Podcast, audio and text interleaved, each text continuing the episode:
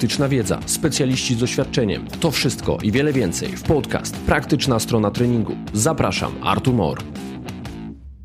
Dzisiaj ze mną przed mikrofonem lekarz, specjalista ortopeda, traumatolog, założyciel kliniki fizjoterapii sportowej Return to Play, na co dzień współpracujący z Miraj Klinik w Warszawie, a właściwie pod Warszawą, tak. Jakub Jabłoński. Cześć Jakubie. Witam. Bardzo miło, dziękuję za zaproszenie. Swego rodzaju zaszczyt zafunkcjonować na, na bardzo ważnym pod, polskim podcaście. Cieszę się, to co teraz powiedziałeś, bardzo ważnym, super. Czyli te treści są takie niesztampowe i krytyczne spojrzenie jednak komuś się może podobać. To mnie zawsze zaskakuje, ale cieszę się. Nie zawsze krytyczne, ale, ale merytoryczne, o, tak bym powiedział. Super, bardzo Ci dziękuję. E, Jakubie, jak sam wiesz, e, na co dzień mam styczność z ortopedami, którzy pracują na co dzień na Śląsku. Ty jesteś ortopedą z Warszawy, więc zobaczymy, czy ortopedia warszawska jest podobna, jest inna od tej, którą my mamy na Śląsku. Pierwsze może takie pytanie ogólne. Czy ortopedia ewoluowała według Ciebie na przestrzeni lat i na przestrzeni Twojego życia, takiego ortopedycznego? Ewoluowała na pewno, bo, bo wyszliśmy z tego, że w ogóle się wyodrębniła specjalizacja ortopedyczna i dotycząca leczenia kości, mięśni, więzadeł, więc y, wyszliśmy z takiego chirurgicznego podejścia ogólnego, gdzie chirurdzy leczyli brzuch i złamane kości, więc to na pewno na przestrzeni setek lat ewoluowało totalnie. Natomiast myślę, że na przestrzeni y, ewolucji tej technicznej, która się odbyła w ostatnich kilkudziesięciu latach, czyli mówiąc od, od wojen światowych, to zmieniło się kosmicznie, bo ilości zespoleń, technik, które powstały, no nie zliczymy tego. Po pierwsze, ortopedia wyspecjalizowała się, czyli mamy chirurgów kolana, chirurgów barku, chirurgów stawu skokowego, stopy, ręki i tak dalej, i tak dalej. Więc tutaj poziom specyfikacji rozwoju jest, jest olbrzymi. Oczywiście firmy, które produkują ten sprzęt przyczyniły się w odpowiedni sposób do tego, żeby te techniki cały czas zmieniały się, ewoluowały.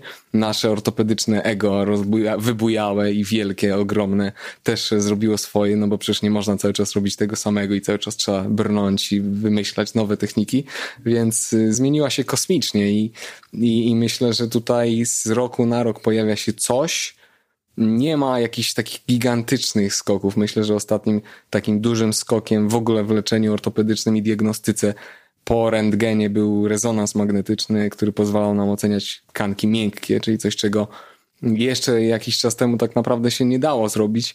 Myślę, że to, że ortopedzi zaczęli korzystać z ultrasonografii, szczególnie w Polsce, bo to nie jest trend ogólnoświatowy, raczej jest tak, że radiolodzy sobie, medycy sportowi sobie i ortopedzi sobie. Natomiast w Polsce duża część ortopedów, nie wiem do końca dlaczego, czy to są względy merytoryczne, czy też finansowe, myślę, że wszystko po trochu spowodowało, że, że sięgnęliśmy po ten aparat. Ja na ten moment nie potrafię już pracować inaczej. Ultrasonografia jest takim moim trzecim okiem. Mhm. I myślę, że to wzbudza totalne zaufanie pacjenta, że mamy kontrolę nad tym, co robimy. Więc ta ortopedia zmieniła się bardzo w porównaniu do czasów no, moich, przed rokiem 90, gdzie w Polsce nie było medycznie nie, nic, można tak powiedzieć, albo było niewiele, mhm. bo dostanie się do dobrego ośrodka graniczyło z cudem tak teraz no, ta dostępność się zwiększyła. Na pewno Warszawa różni się od i, i choćby Śląsk różni się od tych mniejszych ośrodków, bo dostępność jest olbrzymia, natomiast no, jest skok, myślę, że bardzo, bardzo duży. W tym ogromnym rozwoju, który teraz świetnie opisałeś, jest jeszcze miejsce, albo może czy są jeszcze obecni ortopedzi, którzy tak chętnie wszystko i namiętnie i zawsze gipsują?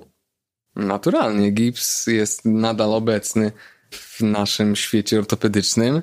Ba, nie, nie negowałbym go tak totalnie, bo często wychodzimy z tego założenia, że, że kips to jest zło i oczywiście w wielu przypadkach jest, natomiast ten konwencjonalny gips, który się trochę sypie, dalej jest używany i myślę, że przez jakiś czas będzie, bo leczymy urazy dziecięce, które w większości przypadku mm, da się te, te złamania bardzo ładnie wyprowadzić na, na leczeniu unieruchomieniem gipsowym i jest ono fajne, bo jest łatwo modelowalne, więc ten gips taki sypiący się i, i który trzeba domodelować dalej jest i myślę, że jeszcze będzie, bo jest dobry. Natomiast niestety dalej jest obecny gips w urazach skrętnych, czy stawu skokowego, czy kolana o zgrozo, co jest no, totalnie niezrozumiałym absurdem, który myślę, że już wszyscy światli ludzie wiedzą, że nie powinien istnieć i dalej niestety do gabinetów trafiają mm, młodzi ludzie, sportowcy, co gorsza, którzy potrafią mieć gips założony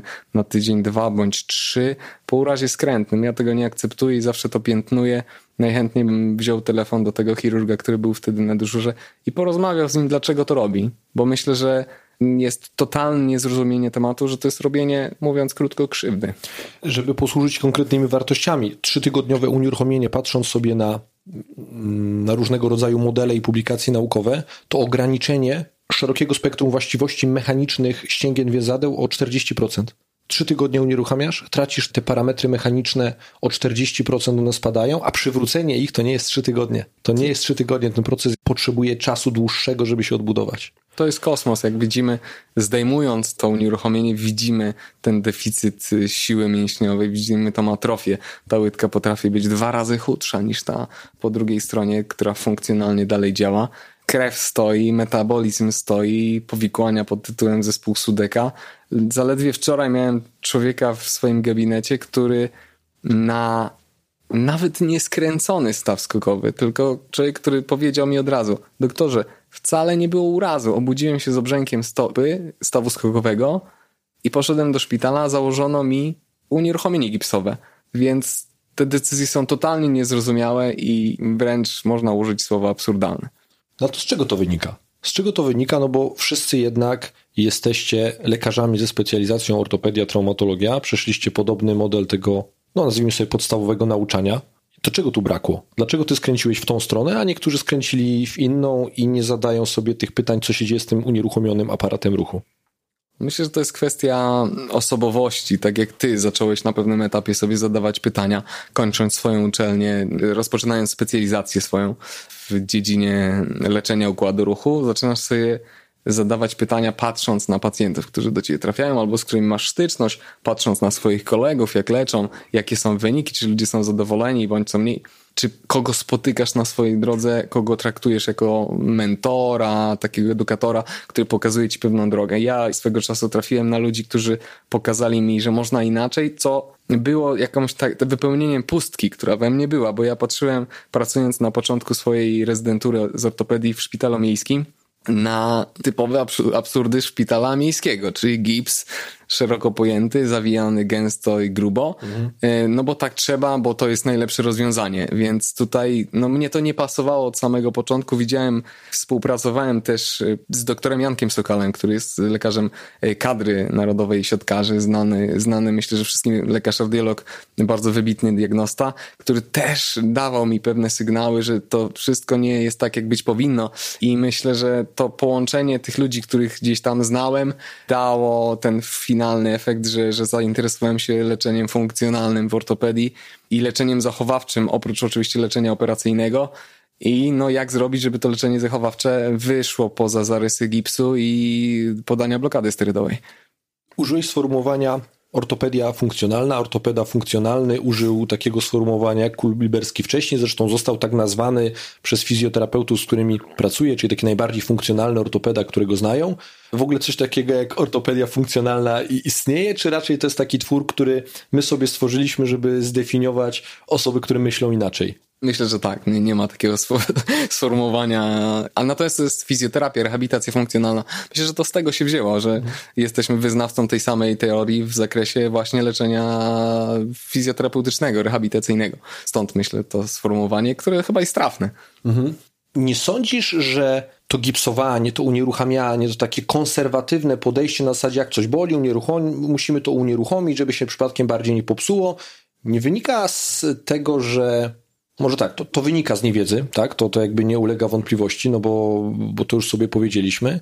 Natomiast myślę, że ortopedzi nie rozumieją czegoś takiego, co ja staram się promować, czyli optimal loading, tego optymalnego dociążenia i nie tylko leczą tym unieruchomieniem, ale nawet trzymają w tym unieruchomieniu za długo. Nawet są rekomendacje, żeby po zabiegu ACL-a czy innych e, zabiegach rekonstrukcji przytrzymać ten gips dłużej. Rozmawialiśmy, zanim mikrofony były włączone o publikacji, gdzie zestawiono konserwatywne podejście pooperacyjne do takiego współczesnego w przypadku rekonstrukcji w obrębie stożka rotatorów, kiedy to unieruchomienie jest ściągane szybciej aniżeli po pięciu tygodniach i próbujemy aktywizować tego pacjenta do ruchu i wprowadzać ten optimal loading i okazuje się, że w takiej krótkiej bądź średniej perspektywie wychodzi po prostu lepiej.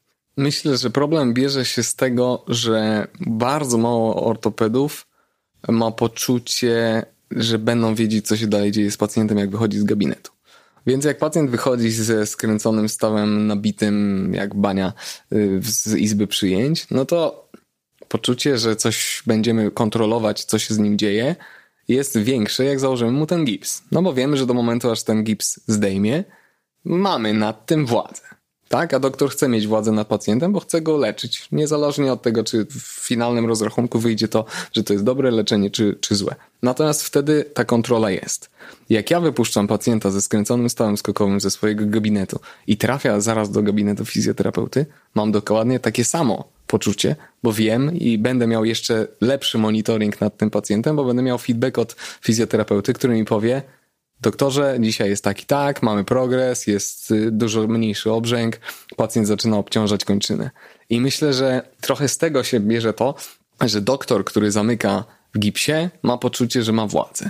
Mhm. I pacjent będzie wykonywał te polecenia, które doktor wyznaje, ponieważ nie ma takiego pojęcia jak optimal loading w większości niestety jeszcze głów ortopedycznych. Mhm to stąd się bierze ten problem i dopóki nie będzie takiego systemu, w którym fizjoterapia będzie dla pacjentów dostępna i realna w ciągu tygodnia, dwóch od urazu, no to myślę, że jesteśmy w lesie. Natomiast wiemy, że powinniśmy to zmienić i pacjent powinien wychodzić o kulach, chociaż trochę pracować nad range of motion, zakresem ruchomości i wtedy będziemy mieli dużo lepszy efekt, nawet markując to obciążanie, chodząc o kulach, niż zakładając unieruchomienie.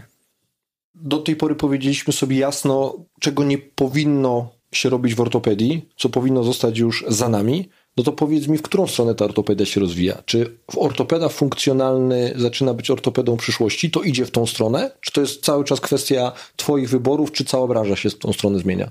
To jest ciekawe, bo wspominając moje rozmowy z Kylem Borkiem, czyli mm, rezydentem wychowanym przez Bruce'a Rydera, czyli naczelnego American Journal of Sports Medicine, czyli guru i naszej jednej z najważniejszych gazet branżowych, on powiedział, że Amerykanie dalej leczą podając iniekcje sterydowe. Ale jaka jest różnica?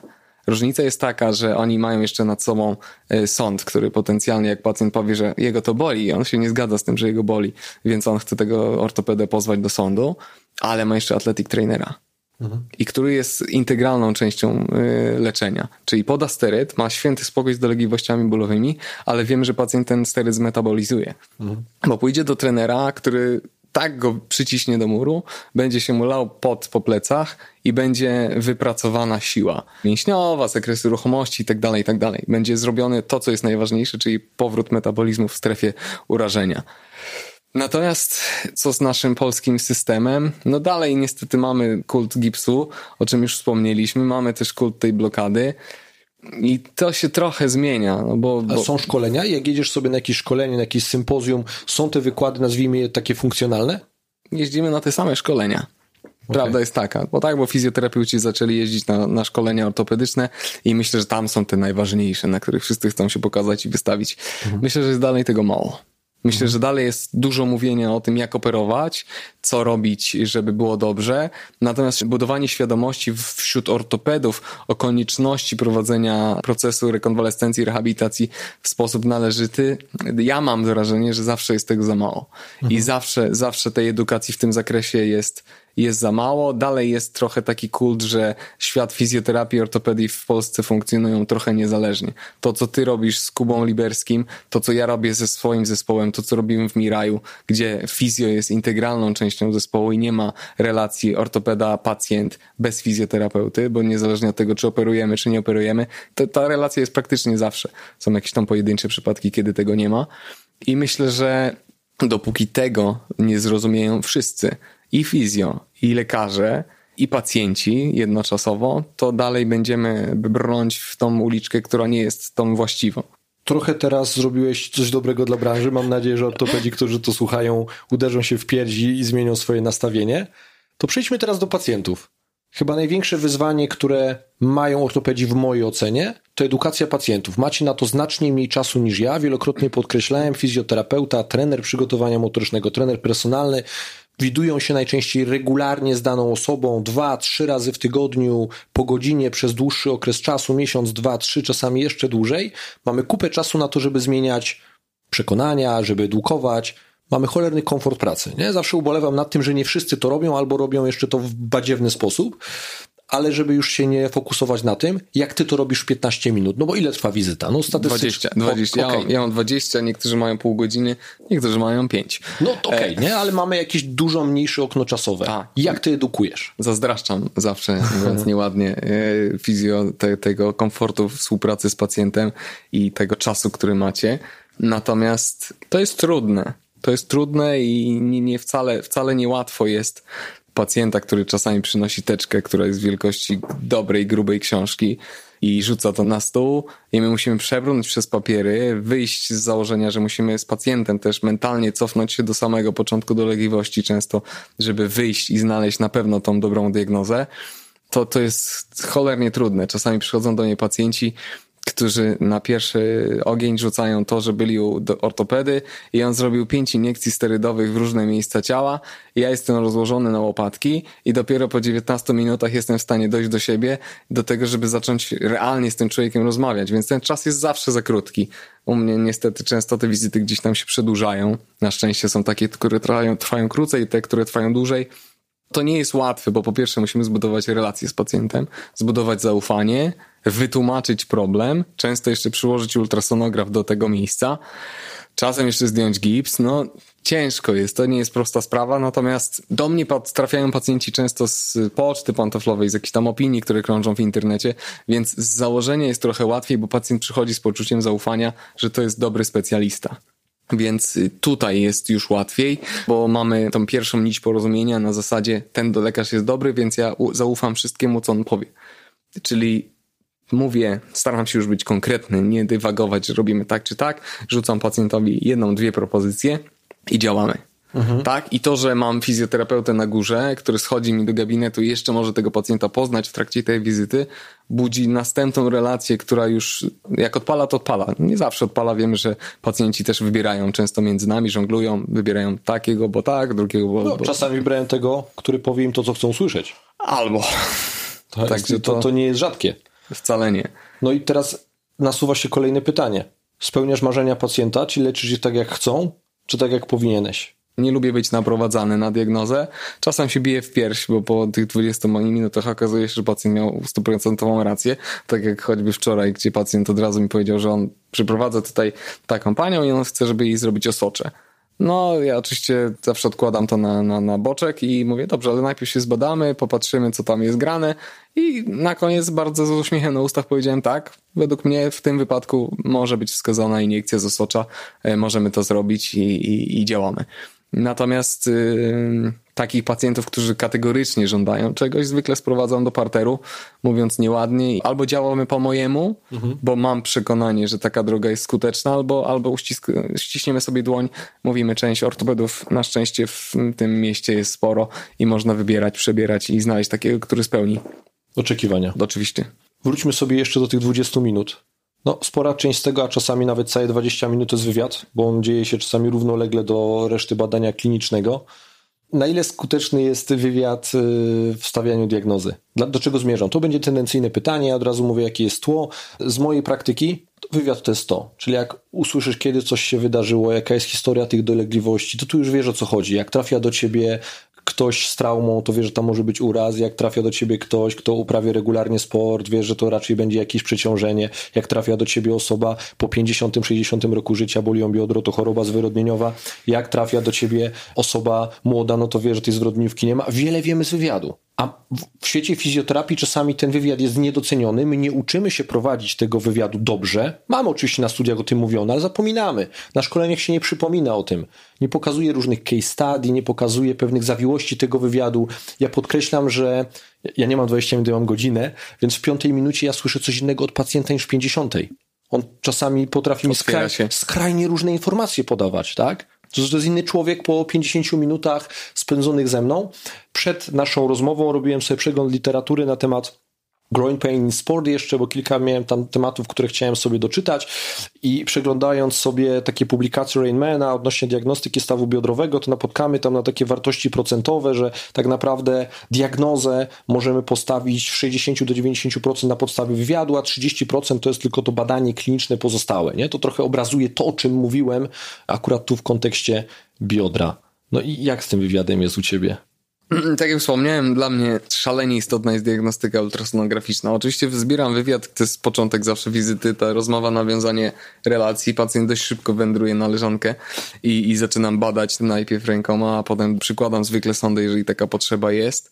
Ja bym powiedział, że jest 50-50, bo to jest tak, że czasami przychodzi pacjent, mamy ewidentnie, nie, zaczyna ci mówić łąkotka, mówisz 100%, przyśrodkowa, ból taki, i zaczynasz grzebać tą, tymi łapami, robisz y, ultrasonografię, żeby potwierdzić swoje e, wątpliwości, a tam nagle coś zupełnie innego, jakaś mhm. antyzopatia ci zaczyna wyskakiwać. Nie jestem takim skrajnym zwolennikiem tylko wywiadu, będę, będę oponował, że jednak badanie w naszej działce, ja mam takie przeświadczenie, mhm. że jednak jak zbadam palpacyjnie, przyłożę jeszcze to trzecie swoje oko, to mam wrażenie, że suma tego wszystkiego daje efekt i daje diagnozę finalną. Natomiast fakt faktem jest, że, że rozmawiać się nie uczy na studiach ani medycznych, ani lekarskich, ani fizjoterapeutycznych i myślę, że to jest gdzieś tam suma doświadczeń i ilości osób, z którymi się przeprowadziło ten wywiad, gdzie dopiero jesteśmy w stanie te zdolności interpersonalne zbudować na takim poziomie, żeby faktycznie w jak najkrótszym czasie umieć pacjenta otworzyć jak książkę i żeby opowiedział nam tą swoją historię. Także trudne, ale doświadczenie robi swoje, czas robi swoje. I no jak ktoś ma osobowość otwartą i potrafi też dla pacjenta być taki serdeczny i empatyczny, to ułatwia to, bo wtedy pacjent zwraca szybciutko to, a, nie, nie, nie, każdy potrafi. Ale to się da gdzieś tam wyćwiczyć i da, da zrobić. Mhm. Powiedziałeś o tej empatii w przypadku fizjoterapii, ale nie tylko. To główna składowa skutecznej terapii. Czyli mamy badania, na przykład Fuentesa z 2014 roku, gdzie w przypadku pacjentów z chronicznym bólem lędziowego odcinka kręgosłupa były badania, w czasie których przeprowadzono zabiegi pozorowane i realne z elektroterapii. Jedne były wykonywane przez empatycznego tak. terapeutę, a druga grupa dostawała zabieg realny, niepozorowany, ale przez takiego terapeutę z wycofanego, z bierną postawą i nagle się okazało, że niewłączona maszyna w ogóle do kontaktu, czyli niedziałająca, pełne placebo potrafi dać fajny efekt przeciwbólowy u tych pacjentów, jeżeli tylko terapeuta jest empatyczny. Nie? A ten efekt nie został osiągnięty, kiedy była postawa bierna terapeuty. Myślę, że kluczem do, do zrozumienia w ogóle leczenia ortopedycznego jest to, że to, to psychosomatyka ma gigantyczne znaczenie. Pacjenci z low back pain to są często pacjenci z problemami emocjonalnymi. To wszyscy doskonale wiemy. Ty wiesz, że w większości da się to wypracować odpowiednimi ćwiczeniami, natomiast w dużej mierze pacjenci y, momentami są po prostu zaopiekowani. Dlaczego, dlaczego ci terapeuci mamy manualnie wy, wywołani przed szereg ostatnio przez ciebie w podcaście specjalnym hmm. Mają wzięcie? Trochę dlatego, że, że sprzedają też ludziom poczucie zaopiekowania, tak? No jeżeli przyjdziesz do kogoś i będziesz przychodził regularnie przez 10-20 wizyt, no to to się wbija w twój grafik, tak? To jest twoja codzienność. Absurd z naszego punktu widzenia terapeutów funkcjonalnych, ortopedów funkcjonalnych, no bo to jest naciągactwo i zabieranie ludziom czasu i pieniędzy. Wiesz, to ale... budowanie fałszywych przekonań, nie? To mówimy o tym, że ktoś zaczyna mieć wypaczoną wizję świata Zgadzam się. No, Okłamujemy go. No. Natomiast co, co momentami, mówić? albo nie momentami, bardzo często ludzie tego potrzebują. Żyjemy w świecie super szybkim, gdzie relacje międzyludzkie, przyjaźnie prawdziwe trochę są w zaniku jednak, bo, bo funkcjonujemy w świecie mocno interaktywnym i, i braku czasu, permanentnego braku czasu na wszystko, włącznie z dbaniem o siebie, więc takie relacje momentami są bardzo łatwo sprzedawalne. Mhm. Dobra, Kuba, wrong turn w ortopedii? Czy coś takiego istnieje? Czy ten zły zakręt można zrobić? A jeszcze doprecyzowując to pytanie, nadając mu pewien kontekst, czy ortopedzi latają na miotłach jak niektórzy fizjoterapeuci?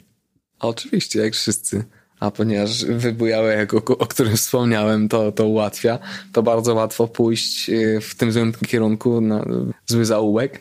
Myślę, że takim wrong turn jest dalej iniekcja sterydowa, o której wspomniałem wcześniej. Tak jak wspominałem, mam pacjentów, którzy potrafią przyjść, że mieli ostrzyknięte plecy, w sensie mięśnie przykręgosłupowe, mięsień czworoboczny, bo tam był jakiś punkt spustowy, który ortopeda chciał leczyć w ten sposób ja głupieję na tych wizytach, tak jak powiedziałem. Nie jestem w stanie dojść do siebie w 20 minut i nie jestem w stanie odpowiednio tego pacjenta zdiagnozować, bo nie wiem, co się dzieje. Nie rozumiem takich decyzji, nie rozumiem takich błędów. Natomiast też w toku leczenia różnych pacjentów, mm, bardziej mniej znanych sportowców, y, te iniekcje sterydowe napsuły sporo karier sportowych. Mhm. I mamy, nie chcę wymieniać nazwiskami, bo, bo to nie, nie przystoi, natomiast naprawdę parę fajnych karier sportowych w Polsce poprzez takie typu, typu te działania pozrywali ścięgna Achillesa, stożek, no masa, masa, masa więzadła rzepki ostrzykiwane. Myślę, że to jest taka rzecz, która niestety, toż tam pali te gipsy.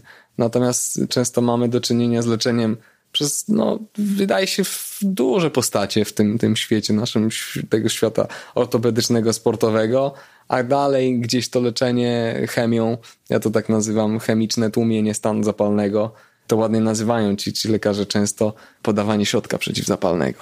Mhm. Tak, czyli się wydaje, tak, to ibuprofen przecież, taki, mhm. taka tableteczka, tylko w zastrzyku. No tylko potem odwracanie tego miszmaszu, który się tam zrobił po takiej iniekcji, no jest trudne. Tak samo jak wrong turn jest artroskopia diagnostyczna, która jest piętnowana już na szczęście przez wszystkich. Tak teraz próbujemy piętnować tą menistektomię, żeby jednak save the meniscus Myślę, że wszyscy na konferencjach mówimy save the meniscus, a potem życie weryfikuje to, czy, czy rzeczywiście się da. To jest temat, który jest bardzo trudny według mnie i bardzo, bardzo ciężko jednoznacznie do tego podejść. Kogo operować, jeśli chodzi o te uszkodzenia łąkotkowe, a komu dawać szansę na, na leczenie zachowawcze, albo po prostu pozostawienie tego i akceptowanie tego, że ta choroba zwyrodnieniowa tak czy tak się zakończy, bo idąc za badaniami naukowymi, no świat co róż wypuszcza y, pracę, w której mówi, że niezależnie od tego, czy będzie interwencja chirurgiczna, zwyrodnieniówka i tak będzie, tak jak jest w rekonstrukcji acela, tak jak jest w rekonstrukcji czy usunięciu łąkotki. Niestety nasza interwencja, czyli interwencja ortopedyczna, chirurgiczna, wiąże się z szybszym rozwojem zmian zwyrodnieniowych. Nie jest to tak, że teraz nagle idziemy tylko torem australijskim nie operujemy aceli. Mhm. Wszystko jest super, wszystko się da wyrehabilitować. Natomiast gdzieś trzeba znaleźć złoty środek i stanąć i się zastanowić. Ja zawsze segreguję w tym zakresie pacjentów i, i patrzę na to, co robią w życiu, czy uprawiają sport, czy im ta interwencja jest do tego, do szczęścia potrzebna.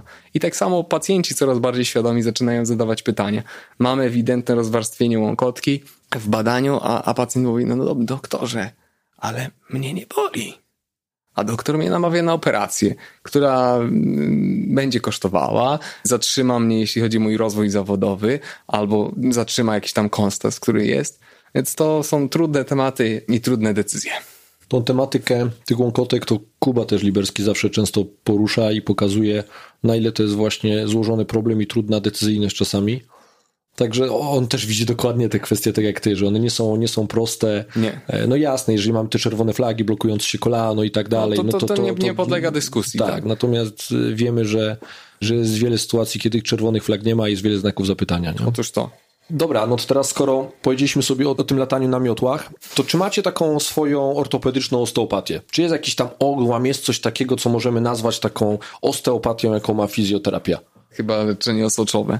Osoczowe, tak, bo, bo jest tak dużo tych technik, tak dużo lekarzy, którzy tym leczą w tak różnych odmianach i tak różnych... Y, no, co jedna jest lepsza od drugiej, nie? Oczywiście, każda, każda jest sposób. niemiecką technologią wybitną. Nie, nie, nie, myślę, że to jest trochę tak, że, że sami nie wiemy, co robimy. Szwedzi, Skandynawowie, którzy są najbardziej tacy sceptyczni oni najwięcej publikują na temat tego, że to wszystko jest, nie, nie działa, mówiąc krótko i oni tego, to negują i mówią, żeby tego nie robić.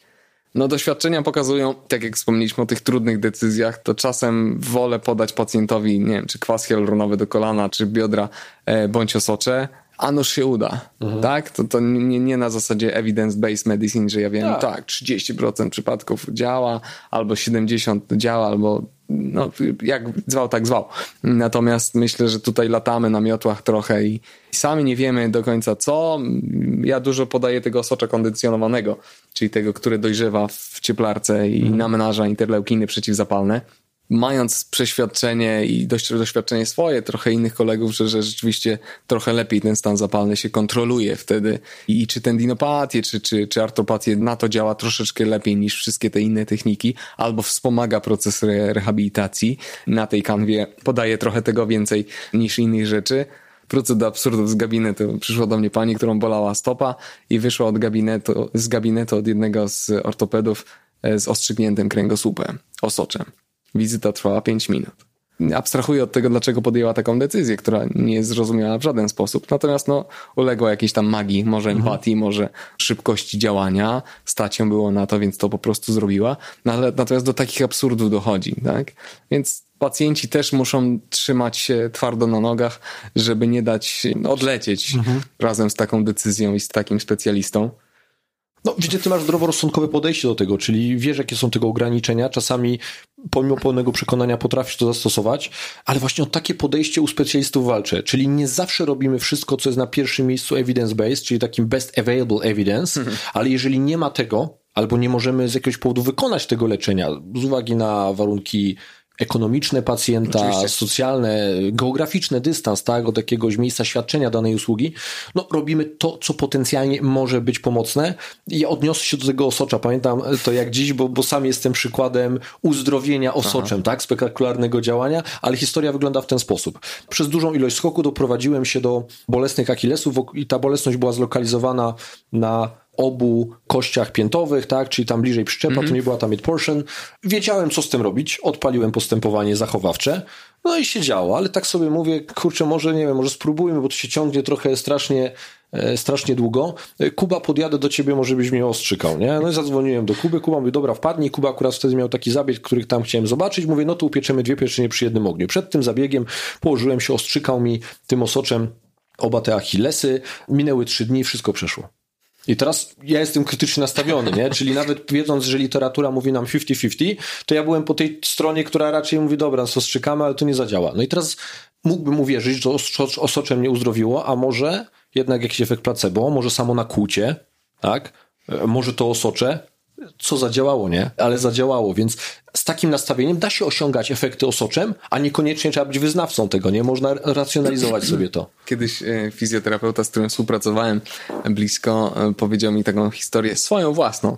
Poszedł do ortopedy, żeby ostrzyknął mu kaletkę podbarkową. Miał stan zapalny, nie potrafił sobie z nim poradzić. No już powiedział, dobra, pal licho. Z momentem, kiedy ortopeda przebił igłą kaletkę podbarkową, dolegliwości ustąpiły powiedział fizjoterapeuta, doktorze, nie wstrzykujemy leku. I co? Gdzie jest evidence-based medicine? Gdzie jest coś, co się dzieje? I facet wyszedł z zapalenia po głupim nakłuciu kaletki igłą. Nie w punkt spustowy, umówmy tak, się, że tak, to nie, tak, nie tak. idziemy w tą stronę. Natomiast są pewne rzeczy, których nie zrozumiemy i ciało ludzkie jest na tyle piękne i na tyle mm, magiczne, że tutaj są pewne rzeczy, które jeszcze długo będziemy się zastanawiać, dlaczego się dzieją, natomiast się dzieją. Dlatego to wszystko, co, o czym wspomnieliśmy, empatia, odpowiednie dobieranie terapii, nie latanie na miotle, to wszystko ma znaczenie i im więcej powiemy pacjentowi z tego, co myślimy, tym silniejszą relację zbudujemy i tym chyba będzie lepszy efekt całej terapii. Czasami też musimy uczyć zarządzać procesem tego pacjenta całym tym procesem leczenia, on musi się w tym potrafić odnaleźć, on musi wiedzieć, że ten ból czasami nie przejdzie od zaraz, że tu nie ma quick fixów, to, to jest też myślę wyzwanie, bo jednak pacjenci oczekują quick fixów, zwłaszcza jak idą do was, do ortopedów, nie? Tam to, to ma być e, efekt przeciwbólowy, to jest pierwszy efekt, dlatego, który ma być Dlatego osiągnięty. prym wiodą dalej blokady sterydowe. To tylko no. dlatego ma miejsce, dlatego że efekt. Boga w gabinecie tak ja czasami to robię, bo jak są starsi pacjenci i mają zwrotnieniówkę na wysokim poziomie, no to podajemy tą nieszczęsną blokadę w ten staw do momentu zrobienia endoprotezoplastyki, bo nie ma innego efektu leczenia. I pacjent się pyta, panie doktorze, kiedy będzie efekt? A ja mówię, no już będzie. No i wtedy to jest ten efekt wow. No to tak. wiesz, dużo ludzi idzie na skróty na zasadzie takiej, że potrafią ostrzykiwać jakieś tam bolesne dźwigacze, łopatki i tak dalej z blokadami steroidowymi. No, nie rozumiem tego, nie zrozumiem nigdy, będę piętnował zawsze i mówił o tym otwarcie. Natomiast jest też taka potrzeba takiego leczenia i ludzie się też na to godzą w związku z tym. Mhm. Kuba, pracujesz w zespole ortopeda, fizjoterapeuta bardzo ściśle, w taki związany sposób, to jest jakby oczywiste, ale powiedz mi, z jakimi innymi specjalistami, specjalizacjami współpracujesz i na ile to jest częste? Ponieważ przychodzą do mnie, ja nie mam też takiego ukierunkowania, że, że, że kogoś nie, nie, nie przyjmuję. Oczywiście nie przyjmuję jakichś tam skrajnych stenos yy, kanału kręgowego i tych rzeczy, które powinny trafiać do neurochirurga. Czasami jednakowoż pacjenci trafiają, więc mam parę nazwisk yy, specjalistów, neurochirurgów, ortopedów operujących kręgosłupy, do których wysyłam. Wiem, kto w Warszawie dobrze robi chirurgię ręki i jak mam pacjenta, którego widzę ewidentnie, że ja ani moi fizjo nie wyprowadzą, puszczam dalej do, do takich specjalistów. Mam ortopedę, który zachowawczo leczy kręgosłupy, czyli ostrzykuje kręgosłup. Ja stwierdziłem, że na jakimś etapie, że nie będę tego robił. Dzieciaki staram się ogarniać sam, natomiast są pewne tematy, których no, no nie zajmuję się, nigdy się nie uczyłem ani spastyczności, ani dzieciaków z, z porażeniami. Nie mamię ludzi, że jestem geniuszem i że wiem, co się w pewnych tematach robi. No to kolejny przykład. Kiedyś e, spastyka kończyn dolnych, achillesy, nie? Namiętnie, ochoczo ta, się ta. przecinało to była ta stara ortopedia to stara ortopedia, która no, gdzieś tam jeszcze funkcjonuje, bo ta ortopedia dziecięca, wbrew pozorom, ta stara szkoła ortopedii dziecięcej jeszcze ma się nie najgorzej. Na pewno jest troszkę inaczej niż było, natomiast wbrew pozorom te rzeczy, które powstały w latach 80., 90., na początku jeszcze funkcjonują i, i wcale nie jest do końca tak źle. Akurat w tym zakresie fizjoterapia dziecięca zrobiła dużo, natomiast mamy terapię no, Wojtek, który już powstał ładnych parę lat temu i, i ma się dobrze, tak? I, i wychodzi wychodzą z założenia ci, którzy się tym zajmują, że to są terapie, które są odpowiednie i, i patrz, że tam nie ma takiego kosmosu, jak, jak jest w naszej terapii sportowej, tak? Nie masz takiego wrażenia? Wiesz co, ja w ogóle mam problem z tymi Bobatami, Wojtami i innymi trochę. Ja tego nie chcę dyskredytować, natomiast zachęcam słuchaczy do tego, żeby zrobili sobie przegląd literatury i spróbowali sobie znaleźć w literaturze porównania tych specyficznych interwencji ruchowych, mhm. patrz Bobat Wojta, względem niespecyficznych, bazujących raczej na task specific, nie? czyli mhm. bardziej na zadaniach. I tyczy się to i dzieciaków, tyczy się to pacjentów poudarowych. Zachęcam do takiego przyglądu, bo znowu można nabrać pewnego dystansu do tego, na ile my potrzebujemy specyficznych metod pracy, specyficznych interwencji, najczęściej od nazwiska jakichś tam znanych osobistości, bo to jest też taki trochę ślepy zaułek mhm. tej fizjoterapii funkcjonalnej, tej całej kinezoterapii. O ile to jest nagminnie robione w terapii manualnej, to również kinezoterapia ma swoje piekiełko. Po prostu przejrzyjmy tą literaturę, do tego zachęcam dzisiaj. Jeżeli ktoś chce mieć jakieś zadanie domowe, no to let's go, nie? Task specific wyszukiwarki. Zgadzam się. Ortopedia dziecięca to zupełnie co innego, aniżeli ortopedia osób dorosłych. Tak czy nie? Dobre pytanie jak rozmawialiśmy przed, przed rozpoczęciem nagrania, lubię jałowe martwice kości, więc dzieciaki trafiają do mnie dość często, szczególnie te uprawiające sport. Kolejny absurd gdzieś tam tej naszej medycyny rodzimej. W ogóle chyba jest problem z tymi jałowymi martwicami, bo z dziećmi jest trochę tak, że mało ludzi chce je leczyć. Nie wiem dlaczego tak jest. Jak ktoś już wchodzi w ten świat, to właśnie często się zajmuje takimi trudnymi bardzo przypadkami, bo, bo dzieciaki z mózgowym porażeniem dziecięcym, ze spastycznością, to jest trudny temat. To są wielogodzinne rozmowy z tymi rodzicami, tłumaczenie tego, duża ilość interwencji, nie zawsze skutecznych, nie, nie zawsze prostych tak, te urazy sportowe u dzieci są traktowane po macoszemu, tak jak trening u dzieci jest traktowany po macoszemu i regeneracja u dzieci.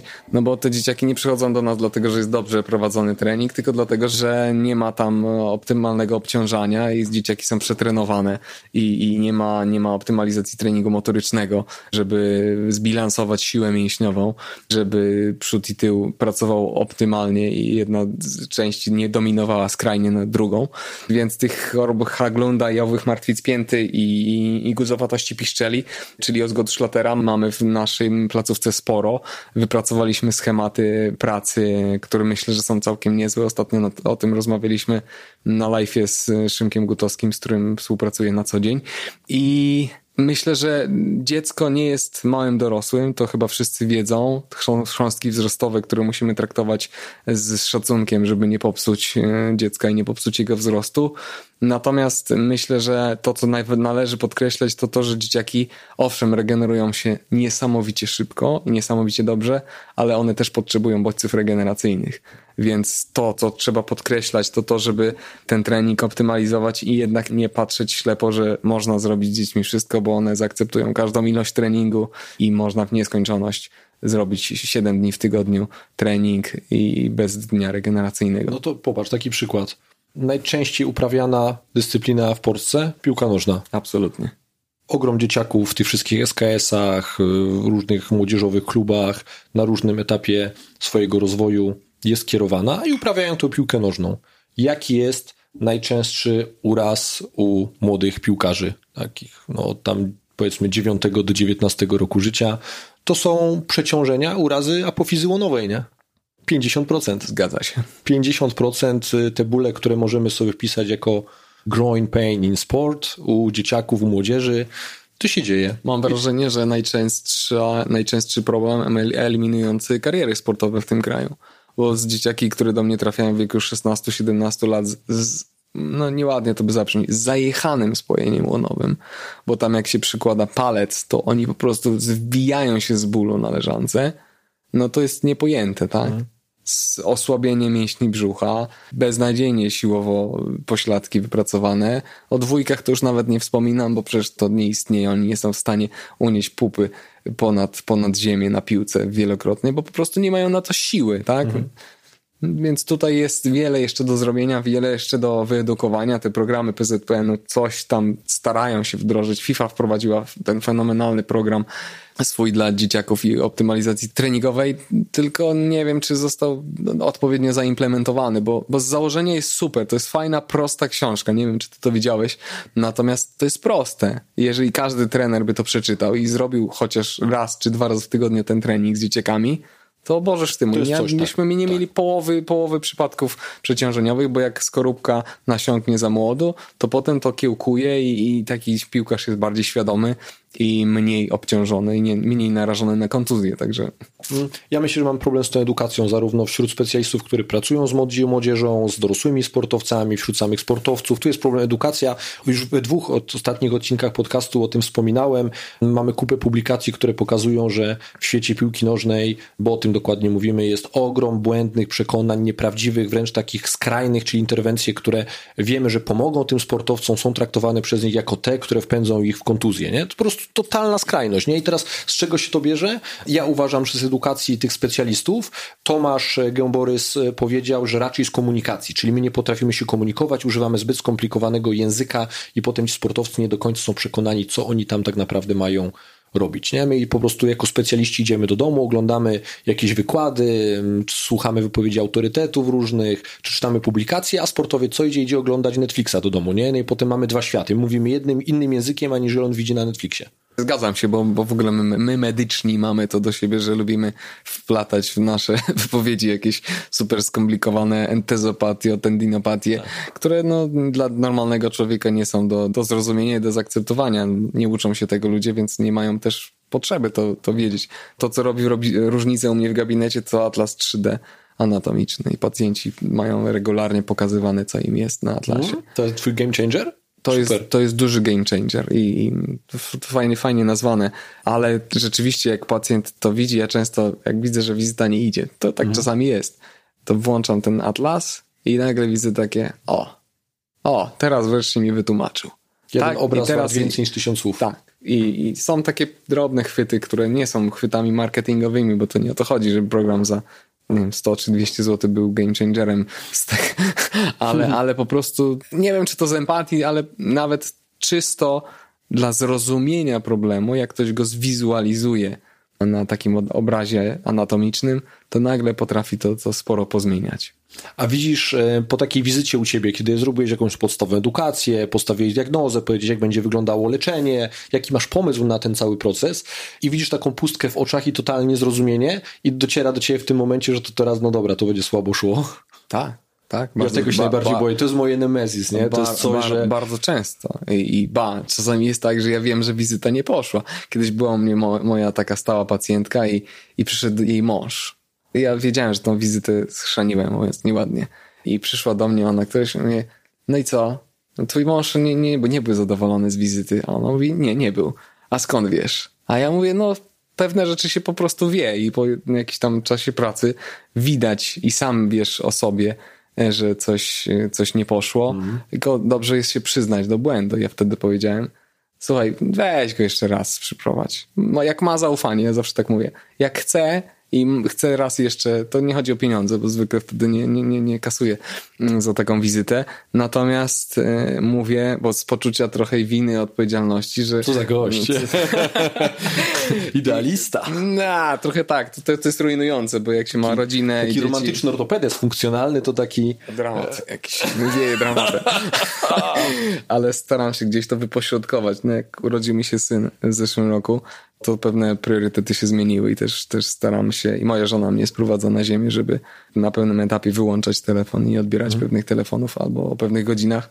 No bo to, co myślę, że my musimy podkreślać, że nie da się tylko pracować. Sam masz dzieciaki, mhm. więc tak, wiesz, że tak. bez tego świata zewnętrznego i mam też takie wrażenie, nawet po rozmowach z kolegami, że ci, którzy nie mają odskoczni takiej mhm. rzetelnej, silnej, nie, nie radzą sobie. Pływanie tylko w świecie pracy zawodowej, która jest fenomenalna, bo mamy idealny zawód. Moja żona zawsze to podkreśla, że ty masz idealną sytuację, bo ty, ty lubisz to, co robisz. Mhm. Tak? Ci, ci, którzy gdzieś tam pracują w korpo świadku albo w takich pracach, które no, mówmy się, że troszeczkę inaczej z tymi ideałami jest, nie jest im łatwo. My mamy ten komfort, że pracujemy w tym zawodzie, bo lubimy ludzi, lubimy im pomagać. To już też szumnie zabrzmiało no, romantycznym, no, idealistycznym jakby, ortopedą, ale... No, no dobra, ale nie? Jakby, jak nie, nie mówisz w ten sposób, to znaczy w ogóle wybrałeś zły kierunek. Nie? Zły to kierunek, no. Musisz chcieć ludziom pomóc, a nie traktować ich intruzów.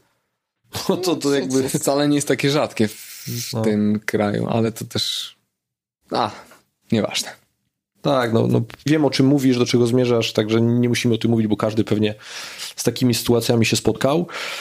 Widzę, że masz pomysł na tą ortopedię. Bardzo mnie to cieszy. Widzę, że takich ortopedów w przyszłości jest e, coraz więcej. Widzę, że ortopedia funkcjonalna weszła na salony. Takie pojęcie, może w literaturze go nie ma. Wszyscy się nim posługujemy. Rozróżniamy tych tak. ortopedów. Rozróżniamy tych ortopedów jako pacjenci, jako specjaliści.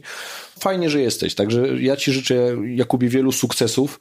Mam nadzieję, że E, że ten podcast gdzieś się rozniesie w świecie warszawskim przy spożyciu wielu pacjentów, którzy właśnie oczekują tego nowoczesnego podejścia do ortopedii i będą pod dobrym adresem. Także super. Hmm, dziękuję, dziękuję za miłe słowa.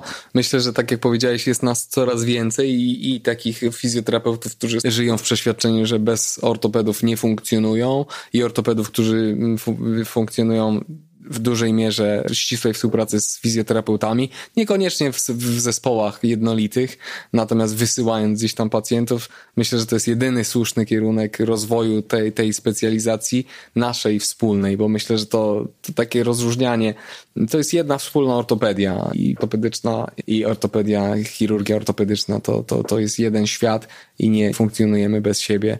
Tak. Musimy się nauczyć tylko to odpowiednio realizować i robić. Tu mówisz dokładnie to samo, co mówi Kuba Liberski. Ja mam wrażenie w ogóle, że rozmawiam, wiesz, że zbieżność zimy nie jest przypadkowa. Może. Kuba e, na tyle widzi w tym potrzebę to mówić, że w ramach projektu, który realizujemy razem, czyli współczesna kinezyterapia, jego wykład kilkugodzinny właśnie zatytułowany jest współpraca fizjoterapeuta ortopeda, czyli kiedy wysłać do fizjoterapeuty, kiedy wysłać do ortopedy, mhm. próbuje w jakiś sposób nakreślić, tak, usystematyzować to, no bo widzi, że jakby mamy dolegliwość i musimy my jako zespół zdecydować, kto będzie tą dolegliwość prowadził dalej, nie? I nie ma czegoś takiego, że jeden specjalista to ogarnie.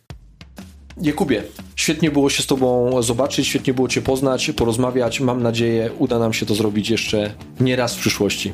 Liczę na to i ja. Do zobaczenia, cześć. Dzięki.